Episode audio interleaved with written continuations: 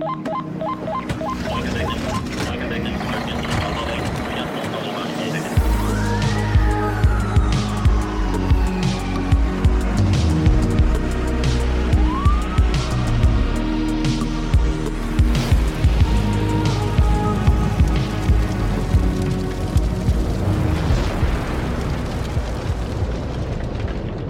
velkommen tilbake til eh, Brannkast.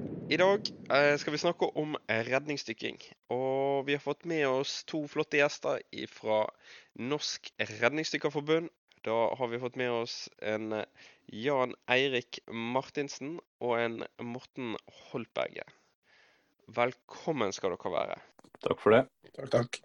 Ja, Da begynner vi med deg, da. Jan Erik, eh, kan du fortelle litt om, litt om deg selv? Det kan jeg gjøre, vet du. Jeg er 37 år.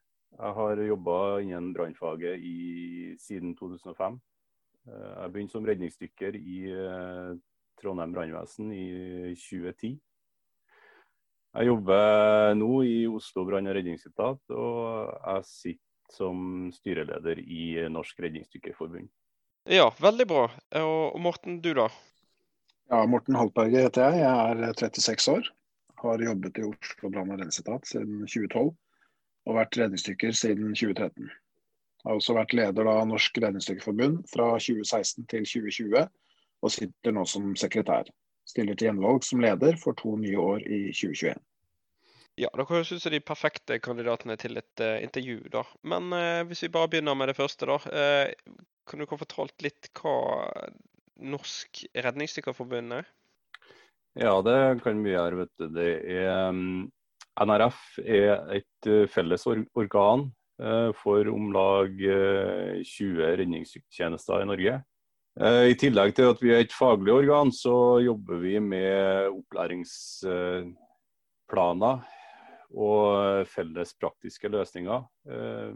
Vi jobber med utdanning og formidling opp mot uh, dykkerforskriften. Vi bistår også opprettholdelse av dykkertjenester opp mot nedskjæringer og andre utfordringer i uh, daglig drift. Ja, Dere gjør en utrolig viktig jobb. Men for de som ikke vet, uh, hva er egentlig en redningsdykker? En redningsdykker er jo en som har utdanning som redningsdykker, men òg som jobber som redningsdykker. Uh, en redningsdykker er jo der formålet, formålet er å redde personer som har drukna eller uh, som sitter fast i vann eller sjø, elv. Eh, Redningsdykkere har arbeidsdykkerbevis klasse A og kan dykke ned til 30 meter med enkelt pusteutstyr. Hvordan blir man dette, da? Uh, ja, da må du jo ta utdanning, enten da gjennom dykkerutdanningen i Bergen eller uh, norsk uh, yrkesdykkerutdanning. Da er klasse A. Og så må du ha en fagutdanning som redningsdykker. Men først og fremst så må du jo få deg jobb som redningsdykker. Og det kan du jo få gjennom et brannvesen som har spesialtjeneste på det. Der du som regel søker deg inn i tjenesten etter du har fått deg jobb som brannkonstabel. Da må du jo bestå en ganske omfattende bassengtest, og så begynner utdanningen etter det. Det er vel omtrent 21 brannvesen i Norge per dags dato som har redningsdykkertjenester. Norsk Redningsdykkerforbund har ca. 450 medlemmer, som alle er redningsdykkere. Man må jobbe som redningsdykker i redningsdykkertjeneste for å kunne bli medlem hos oss. I dag er de fleste redningsdykkertjenestene levert av brannvesenet, men det finnes jo også redningsdykkere i Røde Kors. Og Redningsselskapet har også begynt å utdanne redningsdykkere på noen av redningsskøytene sine. Men nå ble en sånn utdanning opprettet, og hvordan skjedde dette? Vet du det? Ja, jeg tror ikke sånn i de tidligere årene så har det ikke vært så mye utdanning sånn som det er per i dag. Men den har jo utvikla seg veldig de siste årene. Og selve dykkerutdanningen som ble, ut, som ble etablert tidlig på 80-tallet, og har utvikla seg opp imot sånn som den er nå, den kom vel ikke ordentlig i kraft før på tidlig 2000-tallet. Da det ble litt mer organisert eh, redningsdykkerutdanning. Men det var jo allerede redningsdykkere i Oslo og Bergen fra 50-60-tallet. En profesjonsretta utdanning for redningsdykkere kom på banen med dykkerutdanningen ved Høgskolen i Bergen. Det er det som kalles Høgskolen på Vestlandet i dag, og som tilsvarte da Statens dykkerskole eh, før, da. Første kull som eh, gjennomførte utdanningen, det var ansatte i Kristiansand brannvesen i 1999. Og Kristiansand er fremdeles eh, et av de brannvesenene som har veldig robust og god redningsdykkerberedskap i dag. Etter det har det bare blitt flere og flere brannvesen som har oppretta redningsdykkertjeneste lokalt, og som har sendt sine ansatte på kurs. Og De fleste har benytta Høgskolen på Vestlandet, men også Norsk yrkesdykkerskole på Fagerstrand har tilbudt redningsdykkerutdanning i en årrekke. Ja, OK. Eh, så det viser vel gjerne kanskje en endring da, i eh, behov for redningsdykkere. Men er det sånn at eh, redningsdykkerutdanning er noe en person bør ta for å stille sterkere i et, i et brannvesen? Altså på et opptak? Eh, nei, det blir veldig individuelt. Opptakene for å bli konstabel er individuelle fra kommune til kommune. Eh, at noen tar utdanning privat som redningsdykker, betyr ikke nødvendigvis at du stiller sterkere som brannkonstabel. Opptaket her eh, har jeg inntrykk av er såpass allsidig at det utgjør nok ikke en kjempestor forskjell. Men eh, Jan Erik, dette er vel ikke noe som passer for alle? Det å være redningsdykker passer helt klart ikke alle. Eh, man må inneha rett mentalitet. Man må være praktisk orientert. Eh, sist, men ikke minst, så må man ha en personlighet eh, der man ikke gir opp lett. Eh, det er jo sånne ting man finner ut av i en bassengtest. Og jeg vil jo si det at alt kan jo læres om det er vilje til det. Ja, helt klart. I tillegg til motivasjon og egen evne til å mestre fysiske og psykiske belastende situasjoner, så avdekker også bassengtesten og redningsdykkerutdanningen om den enkelte har de medisinske forutsetningene for å fungere i yrket. Man må jo være helsemessig skikka, noe som testes årlig hos dykkerlege, og som uh, gjennomgår alt fra spirometri, EKG, blodprøver, urinprøver, uh, hørsels-, syns- og balansetest, tester BMI, Sykdomshistorikk er vi nøye på, og for ikke å nevne kontroll av blodtrykket. Og Hvis man diskvalifiseres hos eh, dykkerlegen, så vil man ikke kunne fungere som dykker før det foreligger en ny godkjenning. Men uh, denne bassengtesten, uh, hva er det den handler om egentlig?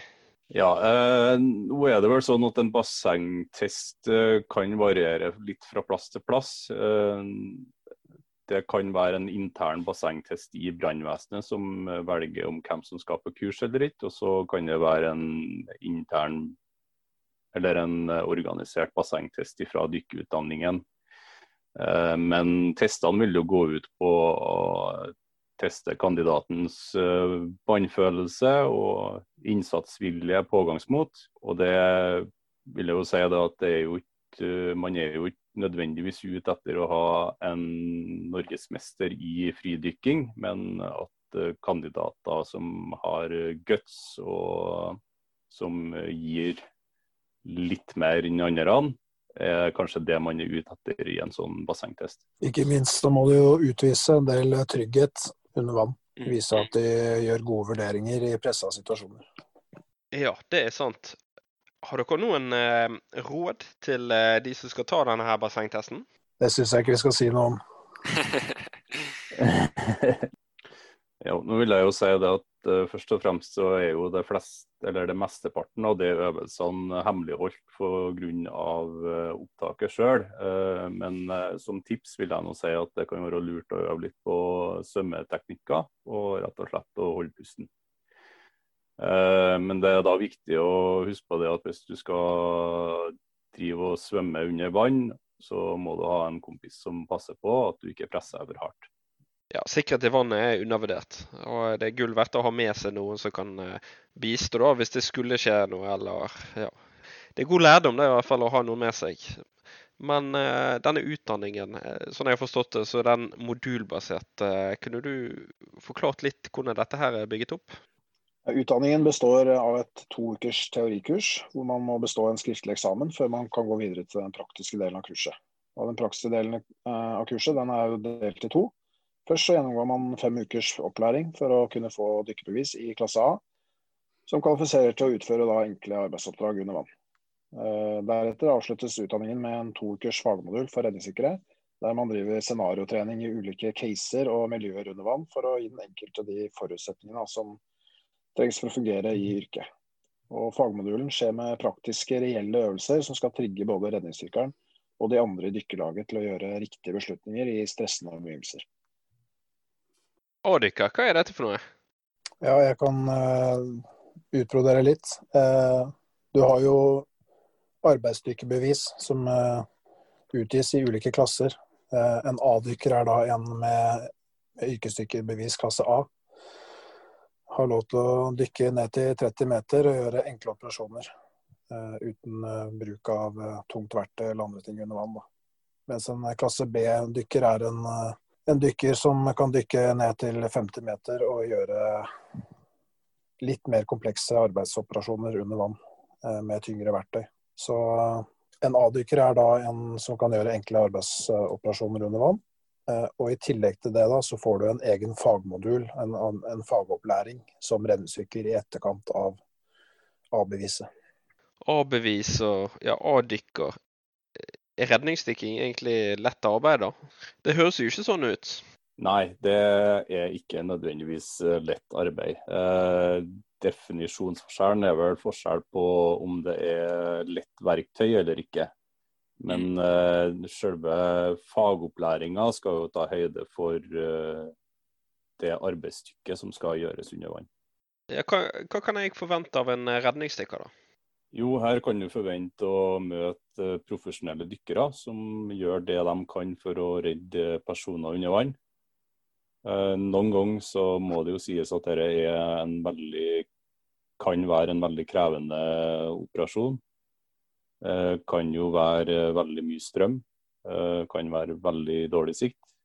Eller området kan være veldig utilgjengelig sånn i form av både landskapet rundt og at det er i forbindelse med demninger eller sånne ting. og Da blir det kan være vanskelig å utføre et sånt dykk uten veldig forhøya risiko.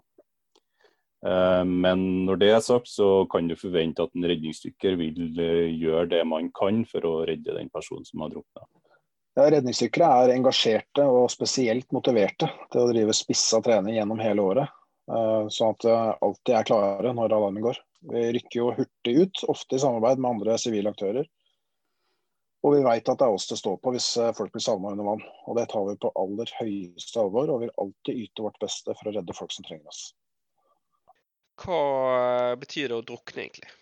Jo, sånn rent Fysiologisk så har du vel to typer drukninger. Eh, du kan ha en tøydrukning og en våtdrukning. Eh, tøydrukning er der du besvimer under vann uten å trekke inn så mye vann på lungene. Og så er det da det motsatte med våtdrukning. våtdrukning. Ja, hvorfor skjer dette, da?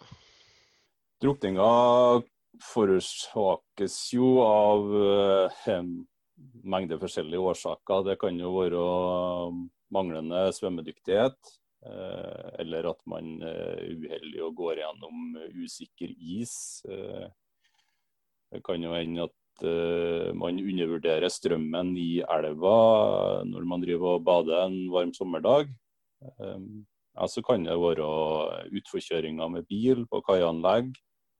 Nå har jeg ikke noe mye statistikk over det, men jeg vil dessverre kanskje si at det mest vanlige er vel unge menn som eh, kanskje skal tisse i sjøen eh, en litt eh, fuktig kveld på byen, eller tøffe seg litt. Da. Alle som beveger seg i og rundt vann kan komme i fare for å drukne. Og Derfor er det viktig at man tar gode valg basert på egne svømmeferdigheter. Er du dårlig til å svømme, så bør du ha på deg flytevest. Og Det gjelder jo både barn og voksne som har fått dårlig svømmeopplæring, eller som av andre grunner svømmer dårlig. De fleste svømmer uansett dårlig etter kort tid hvis de havner i kaldt vann. Det er ganske utelukkende. Og høy alkoholpromille gir også tilsvarende dårligere evner til selvberging.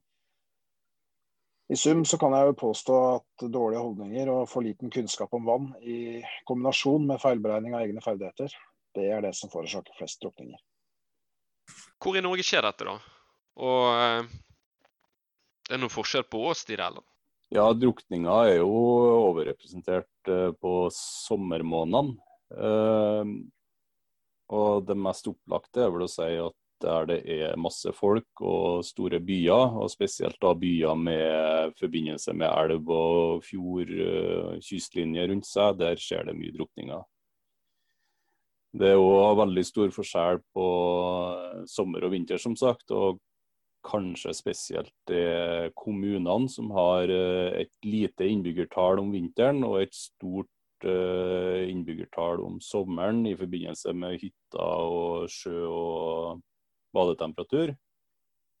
Og at kanskje da det er en mangelfull dimensjonering på den beredskapen som skal dekke drukning. Helt enkelt sagt så er det jo overrepresentert drukningsulykker på sommeren mest pga. badeaktivitet. og det har jo tatt seg opp veldig mye de siste årene. med økte temperaturer på sommeren og at flere og flere oppholder seg i kystnære strøk, og gjerne på badestrender og ja, overalt hvor det er deilig å kjøle seg ned. Ja, okay. ja, og menn er overrepresentert? Ja, eh, det er de.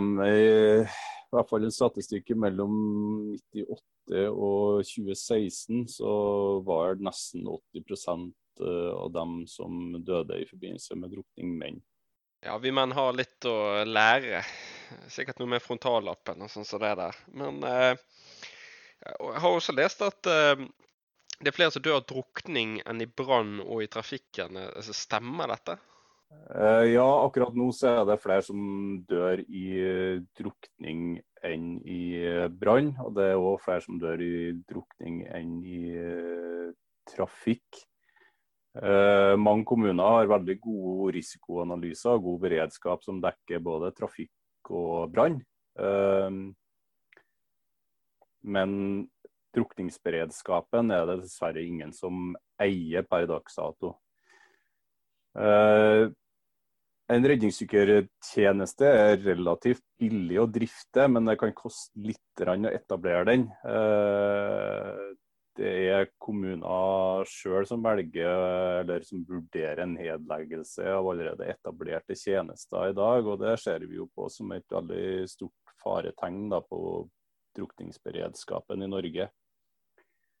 Eh, problemet her begynner jo i at eh, som jeg var inne på, at det er ingen som eier selve redningsdykkertjenesten. Og kommunene sjøl individuelt kan prioritere beredskapen opp mot dette til en viss grad. Da. Det er eh, ROS-analyser som skal ligge til grunn for all regional og lokal sivil beredskap i Norge. Og Pga. organisering av beredskapen fra statsforvalteren og ned til kommunene, så har jo drukningsberedskapen dessverre blitt et ansvarsområde som faller litt mellom stoler. Eh, ringvirkningen av dette er ansvarspulverisering. Heldigvis er det mange lokale ildsjeler som har kjempa for, eh, for bedre drukningsberedskap i Norge. Og Dette har vist seg gjennom det stadig økende antallet redningsdykkertjenester i landet vårt i løpet av de siste 20 åra.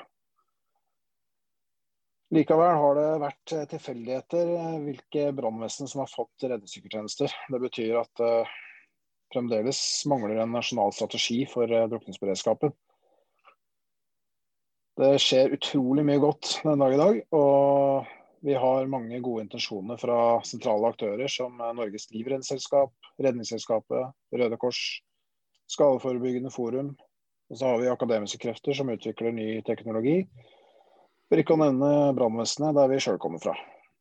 Vi utfordrer jo DSB på å se på ny organisering av de sivile aktørene, sånn at vi kan få en helhetlig strategi og kanskje utplassering av regionale redningsdykkertjenester. Gjerne da i kombinasjon med etablering av flere luftambulansebaser. Grunnen til at jeg sier det, er jo Vi har et eksempel som skjedde for en måneds tid siden. Uh, der det var en ung mann som drukna i en ulykke i Vadsø. Og det er jo nå nylig etablert en luftambulansebase i Kirkenes. Og hadde den luftambulansebasen hatt en transportavtale med redningsdykere i lokalområdet, så kunne vi hatt vesentlig større sjanse for å redde, redde den personen der. Da. Så vi savner en helhetlig strategi på overordna myndighetsnivå. Ja, det er klart. Men tilbake igjen til drukning, da. Jeg har jo hørt forskjellige historier, da. Men eh, hvor lenge kan en pasient eh, ligge under vann? Og ja, er det noe forskjell på varmt og kaldt vann? Eh, jo, det er jo forskjell på det. Eh, vi vet eh, om ei dame i Tromsø som var bekrefta under vann i over en time. Eh, nå var det en foss. Og jeg mener at det er hun som har blitt redda med lavest kroppstemperatur. Eh, det er stor forskjell på varmt og kaldt vann med tanke på overlevelse. Og det er òg forskjell på om det er ferskvann eller saltvann eller brakkvann eh, med tanke på senskader. Har sjøl vært med på å tatt opp personer som har ligget under vann i eh, nesten 50 minutter på vinterstid og har klart seg. Eh, men jeg har òg vært med på å tatt opp eh, personer som eh, har ligget under vann i bare minutter på sommerstid, som ikke har klart seg. Og Det har ofte en sammenheng med at hvis at kroppen er veldig nedkjørt før man drukner, så går det som regel mye bedre da. Eller iallfall sjansen for at det går bedre med indre organer. Dette her har jo med forbrenningen i cellene å gjøre. Eh, og når du fryser ned kroppen, så går alt i kroppen seinere. Dvs. Si forbrenninga i cellene går også seinere. Og cellene i kroppen eh, forbrennes jo eh, bl.a. ved oksygen. Eh, og når den prosessen går seinere, så bruker kroppen mindre oksygen. Det er derfor det, du har en større forutsetning for å overleve når du er kjølig før du drukner. Det hjelper altså ikke å bli kjølig etter du har drukna. Og Da kommer vi til det store spørsmålet. Da. Hva, hva skal man gjøre med hvis man eh, ser noen ligge ute i eh, vannet?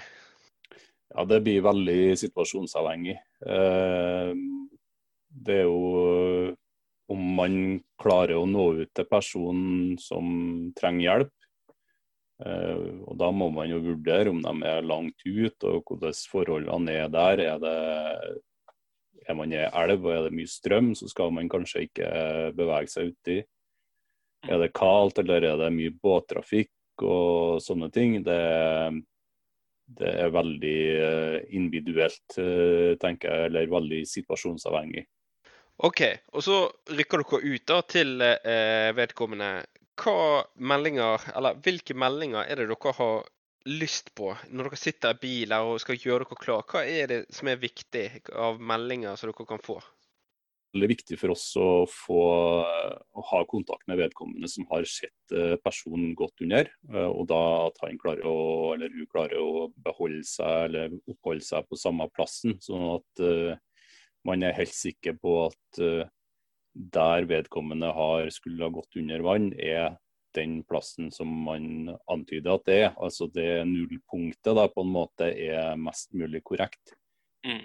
Og Det kan jo være veldig avgjørende ut ifra om det søket tar ett minutt, eller om det søket tar 40 eh, minutter, for å si det sånn.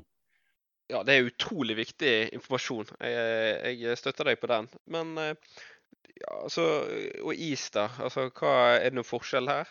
Det, hva skal man gjøre hvis man ser noen ja, gå igjennom isen? da? Det er jo veldig aktuelt nå, da. Ja, Hvis de fortsatt er i overflata, så er det jo viktig at uh, man prøver å ja, selvfølgelig etter man har varsla, eller uh, i forbindelse med varsling òg, at man uh, kaster ut noe som flyter. Kan jo være alt fra en flytevest til en livboie eller uh, en lang grein. Men uh, er det usikker is, så må man jo være forsiktig at det ikke er flere som faller gjennom isen, og at uh, selve skadestedet blir plutselig større enn hva det opprinnelig var. da. Ja, Det hørtes lurt ut. Egen sikkerhet er utrolig viktig. Da. Så starte med det, og så jobbe seg ut ifra det. Men etter hvert så vil jo man få opp en pasient. da. Eh, hva, hva er førstehjelp ved drukning? Eh, det som er viktig å tenke på, er at uh, drukning er i all hovedsak en kverning. Og det generelt sett med kverning så må man prøve å få ut det som er i munnen eller halsen, altså det vannet først. Da kan det jo være lurt å prøve å snu på personen og få ut litt vann. Og så må du starte med fem innblåsninger. Eh, etter du har tatt fem innblåsninger, så er det normalt 32, eh, altså 30 hjertekompresjoner og to innblåsninger. Eh, da kan det jo være veldig greit å ha personen på et hardt underlag.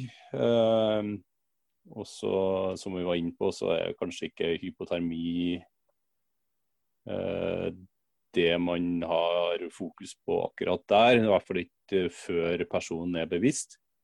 Da må man ha fokus bare på HLR. Eh, ja, eh, snu personen og, og få vann ut av, vann ut av munnen. Ehm, det var jo nytt for min del. Eh, hvorfor skal man gjøre det? Ja, grunnen til at man ønsker å få vann ut av munnen, det er fordi altså, For det første så er det mange som havner i vann og som drukner, som opplever tørrdrukning selv om de da går under vann. Det betyr at det kommer ikke noe vann nødvendigvis ned i lungene. Men man blir kvalt, da, sånn som Jan Erik sier. Og når du blir kvalt eh, Så vi ønsker jo ikke å presse vann ned i lungene på en person som har drukna eh, i etterkant, fordi det kan gi en del store sekundærskader. Du kan få eh, kompliserte lungebetennelse. Og det er flere som dessverre kan finne på å stryke med, eh, selv om de har overlevd eh, selve drukningshendelsen, så kan de stryke med av, av lungebetennelsen i etterkant. Så det er viktig at man får ut det vannet, så ikke det begynner å blåse det ned i lungene på personen. Ja, OK. Ja, det var veldig nytt for min del. Så jeg har alltid følt at det har vært et fokus bare rett på innblåsninger. Men uh, det skal jeg ha i bakhodet neste gang uh, jeg har en eventuell øvelse med det. da, For det, det er jo faktisk uh, veldig viktig å tenke på jeg tror det er uh, fort gjort. Det er en sånn liten detalj som er fort gjort å glemme. Så mm. det er absolutt noe å bli bevisst på. Og kanskje vi kan hjelpe til med det ved å si det på brannkasten her i dag. Ja. ja, det er en liten sånn take home message, da. Husk å helle ut vannet på, på personen du skal Ja da, men det er, så, det er klart at det er viktig å få ut uh, overskudd av vann. Det er ikke sånn at du må sitte og og suge ut vannet og være livredd for å blåse inn. Ikke, vi skal ikke dit. Det, det, skal skje raskt. Du skal snu personen, få overskuddsvann ut, og så skal det begynne med innblåsninger. Så ja. ting skal gå fort her, altså. Ja. Presisere det. Ja. ja, det er veldig viktig. Hypotermi, da. Og kan man se på et menneske om eh, de er hypoterm?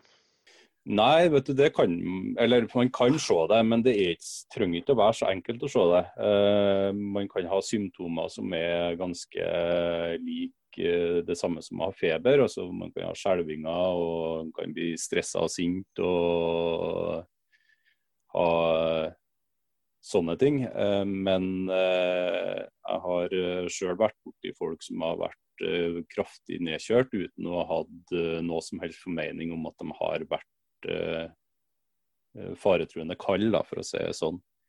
Um, men det som er viktig å tenke på, er jo at hvis at folk har hvis det er noen som har vært i vannet, og spesielt hvis det har vært kaldt, så må man og de er bevisst, selvfølgelig, så må man få varmen tilbake i dem. Og Da er det jo å ta av eh, våte klær og få på en, et pledd. Og, eh, eller få dem inn i en varm bil eller noe sånt. da. Jeg har hørt at man kan bli så kald da, at man blir varm, og så begynner å kle av seg. Ja, det, det kan forekomme, det. Eh, men det som jeg sier, det jeg tror hvis man ser kanskje en unormal eh, oppførsel på en person som har vært i vannet, så må det ringe noen bjeller.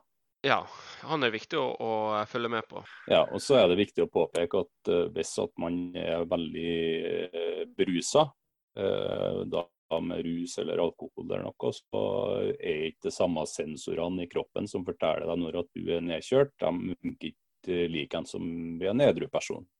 Og etter hvert så søket etter savnet, eh, det vil jo gå over til eh, søk til eh, antatt omkommet. Altså, vet dere når dette skjer? Det er da politiet sammen med redningsdykkerlederen som tar en vurdering på om søket skal gå over fra en livreddende fase til søk etter antatt omkommet. Det er jo en vurdering man tar mm, med tanke på tid og sannsynlighet for å overleve.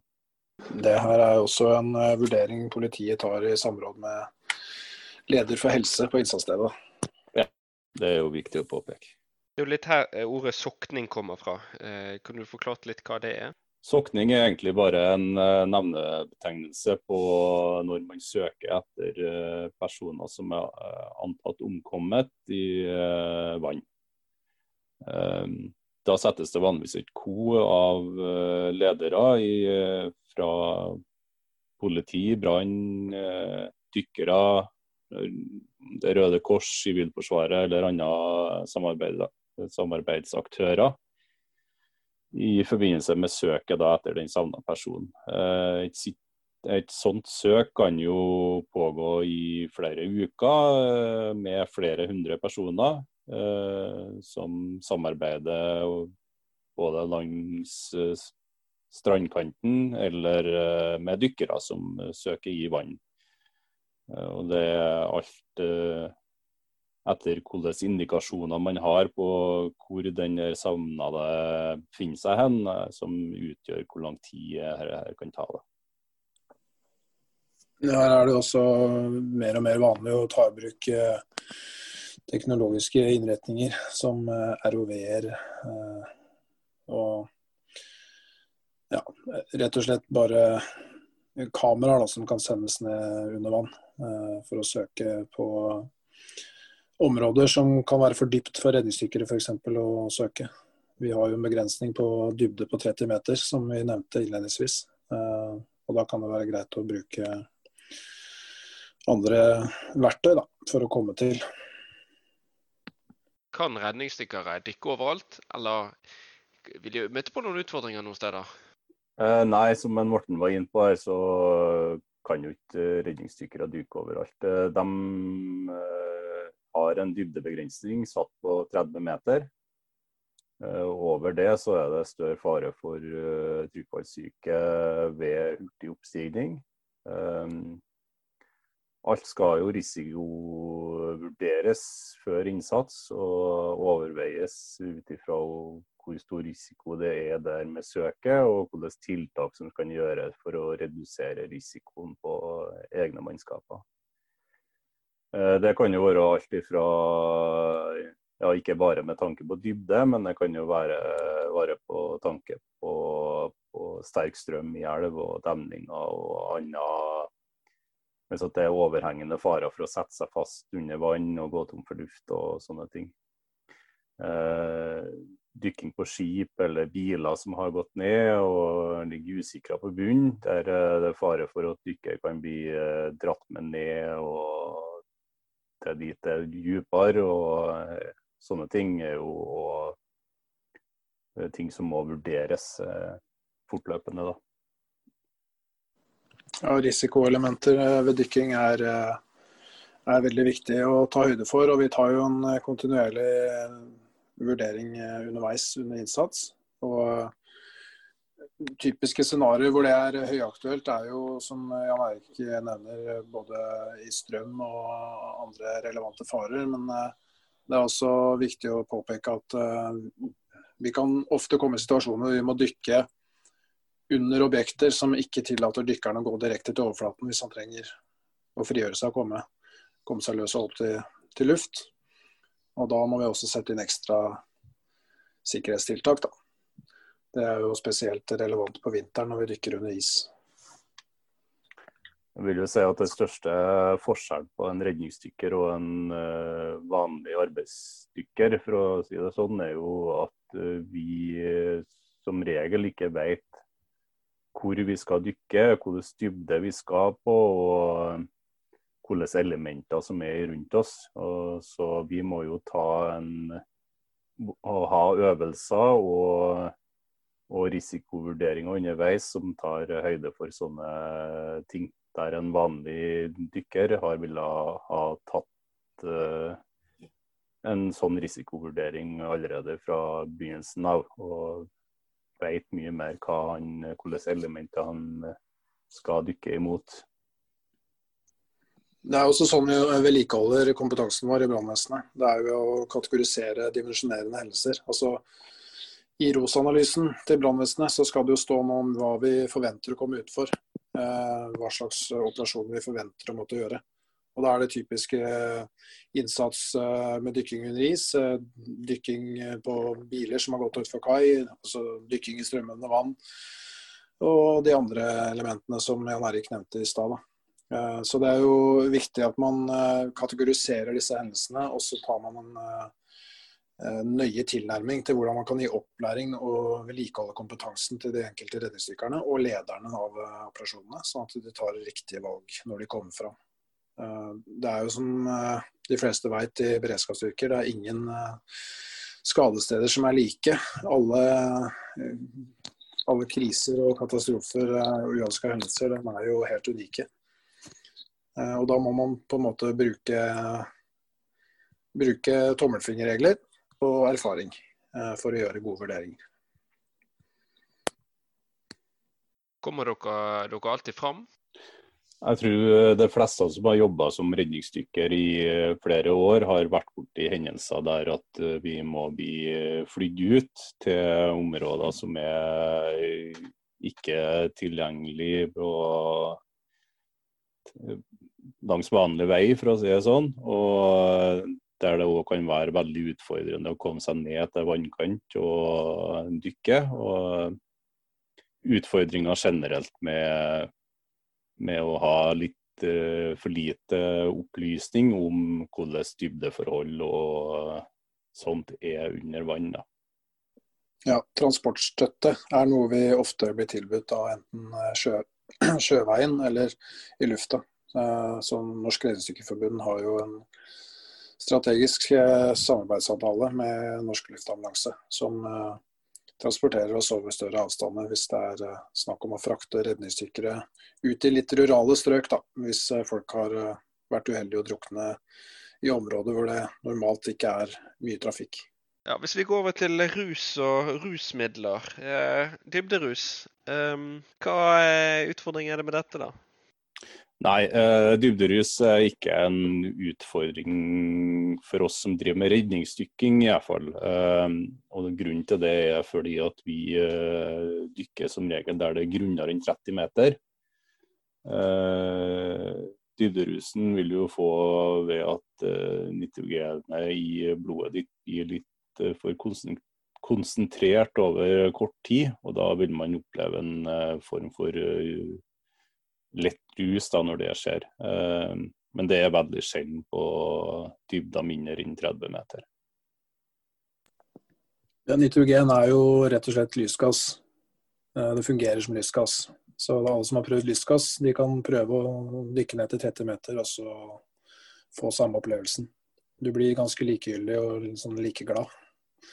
Og det er litt uheldig med tanke på at du skal være 30 meter under vann uh, og få ja, en opplevelse av at uh, det ikke er så farlig hva du gjør. Uh, alt er bare morsomt. I tillegg så får du en veldig komprimert stemme, for det ja, stemmebånda blir prega av dette her, så det, det, det, høres ut som en sånn smurf nedpå der. så det kan bli ganske komisk. Ja, noen høres ut som en smurf, og noen andre høres ut som Donald Duck. ja, jeg, jeg, hører mer inn i den Donald Duck-kategorien. det er vel kanskje ikke det eneste man eh, blir utsatt for der nede, eller? Eh, ja, det er det jo. Eh, også Trykkfallssyke er jo en felles betegnelse på sykdommer du kan få under dykking. Eh, det som er viktig å huske på, at når du dykker, så utsetter du kroppen din for trykk. Og det er jo ikke naturlig for oss som lever over overflata eller vannoverflata til vanlig. Alt med ørene våre, altså bihulene våre, lungene våre og til og med blodet vårt er ikke naturlig tilpassa til et liv under trykk. Det farligste er vel ikke nødvendigvis at vi drar nedover i dypet, men det at vi faktisk skal dra oppover igjen. Uh, og spesielt da hvis vi har vært på dypet litt lengre tid, så vil vi få opphopninger i blodet som er uheldig og kommer sterkere tilbake hvis vi drar til overflata litt fortere. Da. Ehm, men vi kan gjøre tiltak for at det ikke skjer. Det er jo å ta det mer med ro når man skal oppover. Sånn at man tillater da nitrogenet å ikke spalte ut i gassbobler i blodet f.eks. Og at man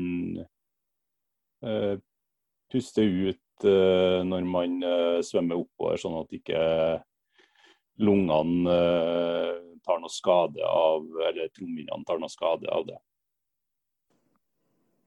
Ja, det er litt viktig å påpeke det at uh, nitrogen som spaltes uh, Det som rett og slett skjer, er jo at uh, du får en opphopning av nitrogen som Jan Erik er inne på, i blodet. Og det gir jo rett og slett blodpropp. Og den blodproppen kan sette seg hvor som helst og danne varige skader. Er du ekstra uheldig da, så kan du få den i hjernen eller hjerte, i hjertet. Og da får du et hjerneinfarkt eller et hjerteinfarkt og ja, det danner i hvert fall varige skader, så det er veldig viktig å ta det på alvor.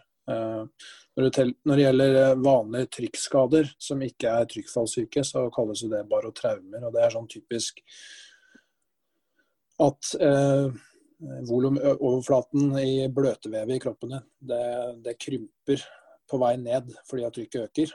Og likeens da så vil det ekspandere på veien opp igjen.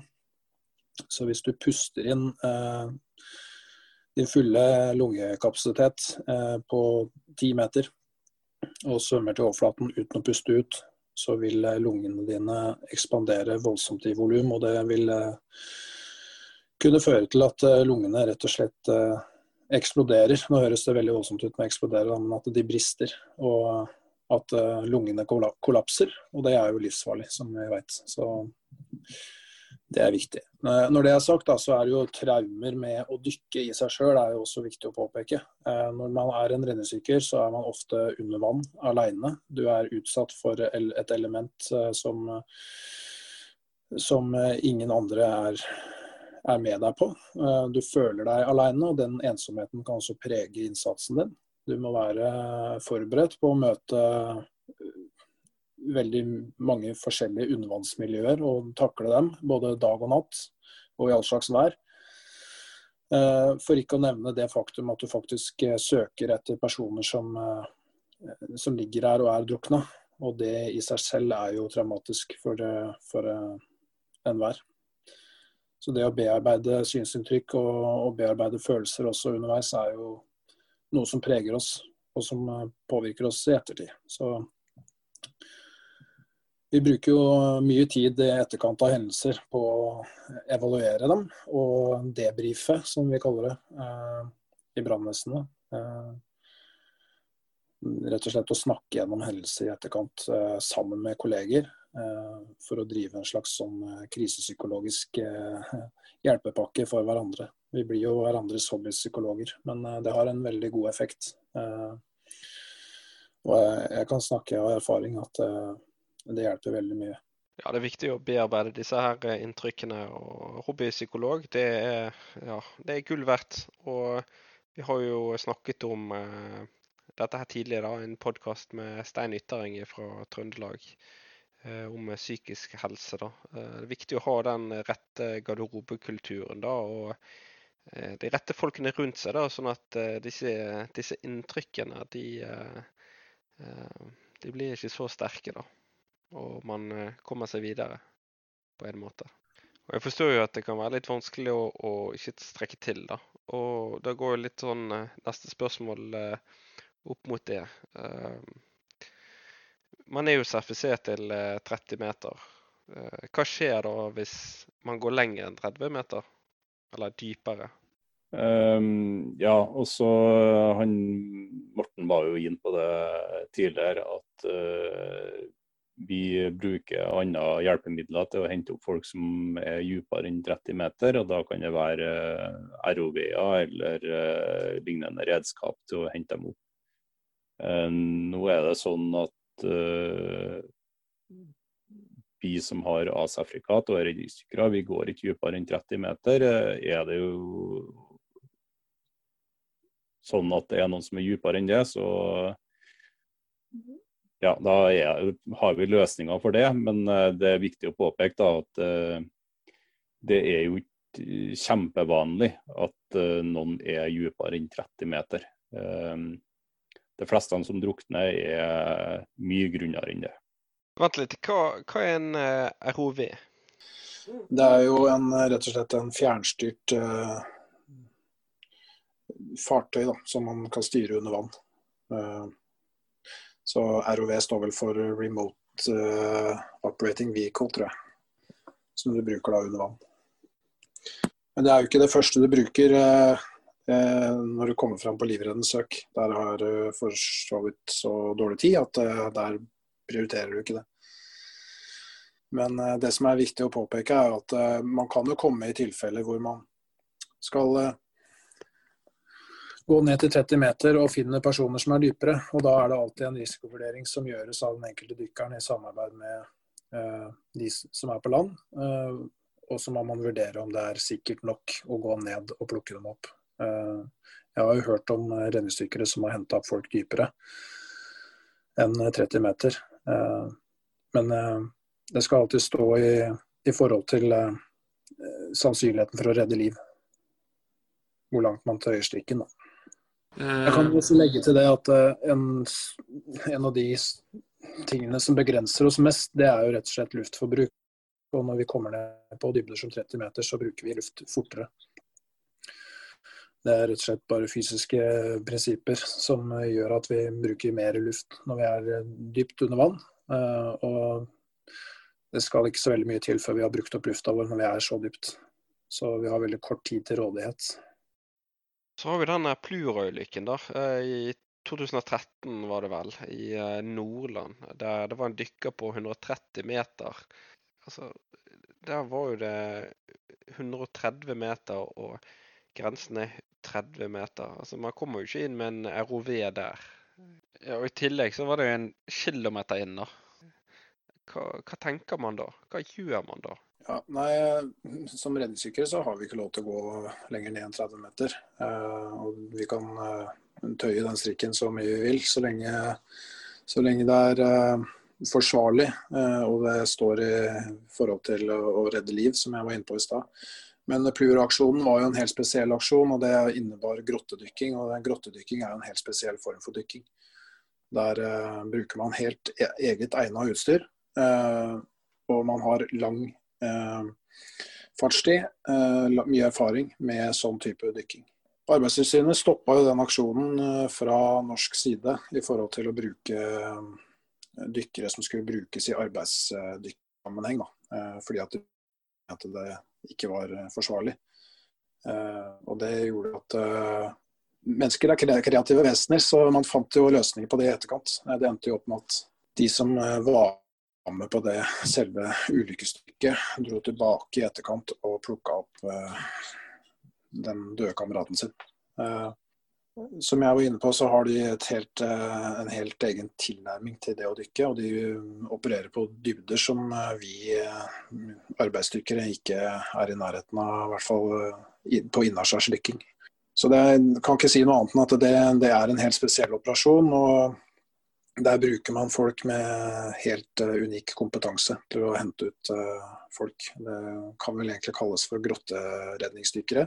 Uh, og vi har sett flere eksempler på det, bl.a. ved den aksjonen i Thailand hvor de henta ut alle disse guttene. Det nei, fotballaget, mener jeg. Ja, stemmer. Den aksjonen i Thailand ja, fra 2018. Det var jo et guttelag på Det var vel tolv smågutter og en trener som som søkte ly for rein i en grotte. da. Og etter en stor redningsaksjon da, så ble de hentet ut da, etter ni dager. Veldig veldig spennende og veldig krevende eh, oppdrag. da. Veldig spesielt. Så det, det, den anbefaler jeg at folk leser seg opp på. Men det var jo en italiensk dykker som døde under redningsaksjonen, så det sier jo litt om, om hvor vanskelig en sånn operasjon kan være. da. Det er ikke bare bare. Men det er jo ikke alle brannvesen som har redningsdykkere. Hva gjør disse, da? Jo, de brannvesenene som ikke har redningsdykkere og fortsatt har behov for den type beredskap, kan jo benytte seg av overflateredning. Og det er jo i overflata at vi redder flest folk. Og det kan jo òg være at eh, det brannvesenene der har, har redningsdykkertjenester som er i, i umiddelbar nærhet i form av helikopter eller uh, bil, men ikke i, på sitt lokale brannvesen. Og da er jo overflateredning gull verdt. Helt klart. Og disse her helikoptrene de kan jo transportere eh, redningsdykkere over eh, lange strekk. da, Så det er ikke Man kan komme seg der eh, kjapt. da. Mens en, en overflateredder kan jo starte tidlig søk da, og bistå med kartlegging av hvor en eventuell pasient kan være. da. Og Nå i nyere tid så har du kommet noe som heter redningsfridykking. Hva er det egentlig? Ja, eh, redningsfridykking, eh, det begrepet er vel at eh, overflateredderne sjøl kan da ha arbeidsrutiner som tilsier at de dykker ned og henter opp personer som er under overflata.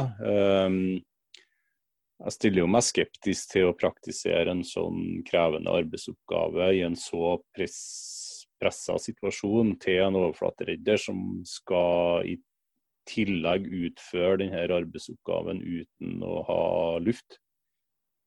Uh, og jeg tenker sånn at Hvis at, hvis at uh, kommunen da, der brannvesenet holder til, forventer en så høy risiko for drukning, så må de uh, heller vurdere å etablere en redningsdykketjeneste. Veldig enkelt sagt så er jo redningsfridykkingen det er noe som har oppstått fordi, som jeg nevnte i stad, så er folk kreative.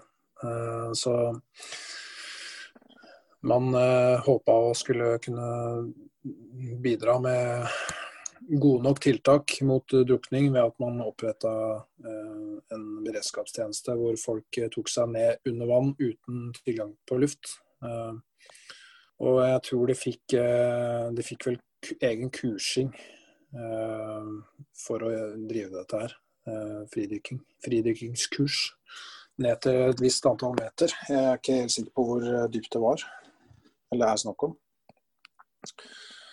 Men eh, at risikoen er høy når du opererer med kjempehøy puls og søker etter personer i, eh, i sjø eller vann, eh, og potensielt i nullsikt eller andre steder hvor det er andre omkringliggende faremomenter. Det, for meg så høres det totalt forsvarsløst ut.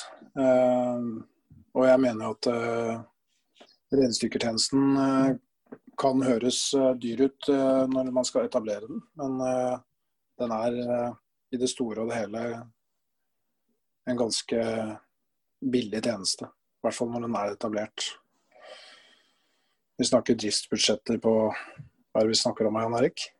I mindre brannvesen så tror jeg du har driftsbudsjett på kanskje en par hundre tusen i året. Ja. ja. Og det, da snakker vi bare om vedlikehold av tjenesten. Så det er bare å sette i gang med redningsdykkertjenester. Få flere av dem. ja. Nei, Det er jo kort og godt småpenger i, i, til sammenligning med at man uh, har mulighet til å ha beredskap og drukning. Ja, jeg tenker de kan være litt føre var. Jeg, og ja, bare legge om til redningsdykking, jeg. Så slipper de uh, uh, veldig mye styr. Jo, og det er jo sånn i Norge at vi uh, har jo en uh, arbeidsmiljølov som vi må forholde oss til. Og den uh, har retningslinjer på alt arbeid som er under økt omgivende trykk. Altså det vil jo si tvert at du beveger deg under havoverflata eller vannoverflata, for å si det sånn, så kommer du jo under den loven. Og det vil jo vanskeliggjøre mye sånne ting som uh, redningsfridykking, da, f.eks. Ja, dette her er jo uansett en, uh, en diskusjon og en debatt som må tas uh, på høyere nivå. Og det er Arbeidstilsynet som avgjør om det skal være lovlig eller ikke å fortsette en sånn tjeneste. Det har jo vært disputter der gjennom flere år nå, hvorvidt det skal få lov til å fortsette eller ikke. Ja, det blir, eh, det blir, veldig spennende å se hva, hvordan denne utviklingen blir. da. Eh, som sagt, eh, eller som du sa, eh, Arbeidstilsynet får ta en vurdering der. Er det kun eh, brannvesenet som driver redningsdykking? Nei, det er ikke det. Det er ingen som eier selve redningsdykketjenesten. Det er jo en tilleggsoppgave som har falt seg naturlig for noen kommuner å legge til brannvesenet. Uh, og så er det jo sånn at det er noen ildsjeler og idealister som har sett behovet og etablert uh, tjenestene sjøl, eh, om det har vært i brannvesen eller i andre tjenester, da, sånn som Røde Kors eller noe sånt. Er alle heltid? Nei, det er, finnes òg deltidsbrannvesen som driver det, og spesielt der kanskje det er deltidsbrannvesen som har mye Eh, mindre krav til dimensjonering pga. innbyggertall, men som har eh, større innbyggertall om sommeren f.eks. Andre etater, da? Er det noen som driver med det? Nei, det er jo ikke noen andre etater eh, som driver med det. I det sivile beredskapsapparatet så er det jo brannvesenet og Røde Kors per nå som tilbyr redningsdykking.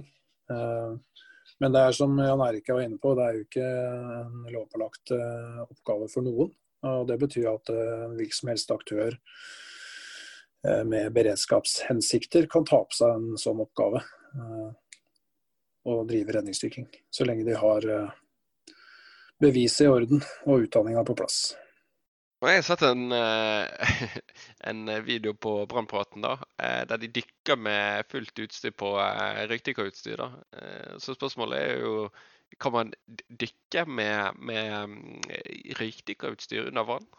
Nei, det kan man ikke. Eller man, man kan og man kan ikke. Det er Det blir litt det samme som å sammenligne en båt med en ubåt. Eh, det kan på en måte brukes under vann, men det er ikke beregna på det. Eh, du har jo leverandører som Interspiro Intespiro f.eks., som leverer både til røykdykking og til dykking, men det er to forskjellige utgangspunkt på det utstyret for at det skal fungere under trykk eller på land. Ja, jeg fikk veldig lyst til å prøve det, men da, da er det vel ikke for meg å bare hoppe ut det og prøve det? Nei, eh, det vil jo fungere til en viss grad, men eh, ikke før når du kommer på en viss dybde, så vil det jo ikke fungere som, som det skal gjøre. Når det er sagt, så vet vi om aksjoner hvor man har brukt røykdykkerapparat for å gjøre raske penetreringer inn i f.eks. biler som står under vann til bare en meter.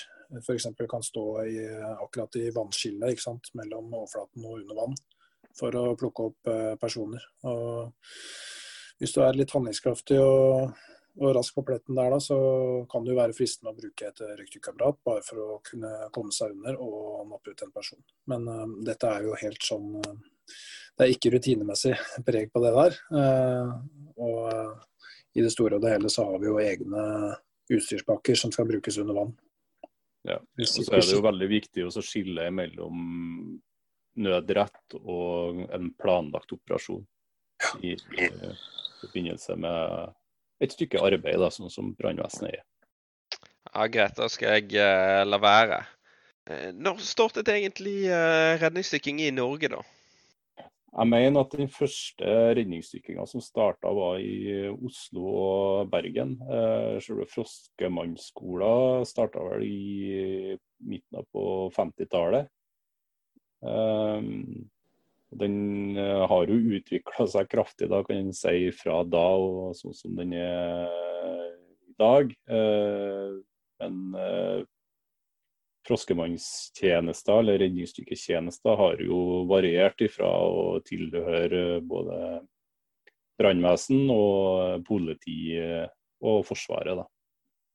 Ja, Oslo brann- og redningsetat har i hvert fall drevet med redningsdykking eller dykking for livreddende hensikt da, siden uh, midten på 1950-tallet. Ja, Du nevnte jo i starten at det har skjedd en stor utvikling når det gjelder eh, redningsdykkerutdanningen. Eh, det kan jo også forstås som eh, at behovet også har endret seg. Eh, er det riktig i forhold til utdanningen? Den største utviklinga som har skjedd eh, på redningsdykkerutdanninga, er jo at eh, det har vært veldig mye fokus tidligere på å utdanne arbeidsdykkere. Men eh, per i dag så er det mye mer fokus på å utdanne dykkere som har en mye større breddeforståelse for søk og søk etter eh, folk. Og de utfordringene det medfører seg. Og med arbeidsdykking så mener jeg da at det var mer eh, fokus på praktiske arbeidsoppgaver under vann. Eh, med skruing og hamring osv. Og, så og ikke så mye fokus på søk, f.eks. Og Med dette så går vi egentlig inn på neste spørsmål. Eh, hvordan er egentlig behovet for redningsdykkere i dag? Eh, man ser jo noen steder at de ikke har, og så noen steder at de vurderer å kutte pga. kostnader i kommunen. Ja, vi har jo mye utfordringer i Norge, ikke bare på redningsdykking, men på beredskap generelt. Vi har jo et veldig stort landskap. Lange strekninger mange plasser det er vanskelig å komme seg frem og tilbake. Ehm, men jeg tror at det har vært eh, enklere da, hvis det har vært føringer fra statlig hold. Der det da kan sies noe om hvilken beredskap eh, man skal ha til de forskjellige plassene, og spesielt der det har økt risiko for drukning. Eh, vi har jo et stort land, eh, som sagt. og mm, vi forstår alle sammen at det ikke er økonomi eh, til å ha sykehus og brannvesen og politi i hver eneste by. Men sånn som det er i dag, så er det flere steder med tett befolkning og, og en stor risiko for drukning. Eh, Sammenligna hvis du tar trafikkuhell og branner. Eh, men likevel så er det trafikkberedskap og brannberedskap der. Men eh, nærmeste redningsstykke kan være så mye som 40 eh, mil unna. Ja, Det er jo Justisdepartementet som har det overordnede ansvaret for beredskapen i Norge. Og under de så har de jo ulike direktorater som skal fungere sammen for å løse uønska hendelser, kriser, katastrofer den uh, eh, overordna tilnærminga til beredskap er jo at man har nasjonale, og regionale og lokale ROS-analyser. Som skal ta en kontinuerlig temperatur da, på hva er egentlig hjelpebehovet der ute. Utfordringene sånn som det er i dag, er jo som vi var inne på i stad, at det ikke er noe sentralt og utpekt organ som er ansvarlig for drukning eller drukningsberedskapen i Norge. Og det gjør at den er prega av tilfeldigheter. Det også gjør at vi har uh, gradvis vokst i størrelse uh, og antall medlemmer i Norsk Redningsdykkforbund ved at man har hatt ildsjeler, som Jan Erik var inne på i stad, som har pressa fram og synliggjort behovet for å etablere redningsdykkere lokalt i ulike kommuner som er kystnære, eller som har nærhet til eh, ja, områder med vassdrag og vann hvor det er høy, høy eller forventa mye aktivitet da, fra, fra, mennesker. Så jeg tror at uh, behovet for redningsdykkere vil uh, øke fram til man ser en trend hvor uh, det pekes ut et sentralt organ som er ansvarlig for den overordna beredskapen mot drukning. Og når det er på plass, så kan man begynne å jobbe mer systematisk med beredskap. Og da er vi inne på ting som jeg nevnte tidligere her i podkasten, at vi kan prioritere mer forebyggende arbeid. Det er vel det viktigste. Til syvende og sist så handler det ikke om å etablere flest mulig redningstjenester, det handler om å få folk til å slutte å drukne. Ja, du Morten, du var jo inne på det med tiltak i forhold til å forebygge drukning i Norge. Kunne du gitt en sånn kort oppsummering nå på slutten? Ja, Potensielle tiltak her er jo å jobbe med spesielle deler av befolkningen som er veldig synlige i statistikken for drukning. Det handler jo om å drive med opplæring eller holdningskampanjer. Spesielt viktig med svømmeopplæring. At vi setter inn ekstra tiltak for å få folk til å bli flinkere til å ta gode vurderinger når de er ute og bader eller er i kontakt med eller i nærheten av vann. Og at de også har større forutsetninger for å berge seg selv eller andre. Det, det være alfa og omega. Og så er det jo, som jeg nevnte i stad, viktig å plassere ut spesielt verktøy som ja, f.eks. livbøyer. Flytende objekter i nærhet av vann hvor det er forventa mye badeaktivitet. Da. Det kan være typiske gode tiltak på forebygging. Ja, Det er helt klart gode forebyggende tiltak, og det er jo litt det, da. Den viktigste jobben er å sørge for at ting ikke skjer. Hvordan skal redningsdykkerberedskapen styrkes?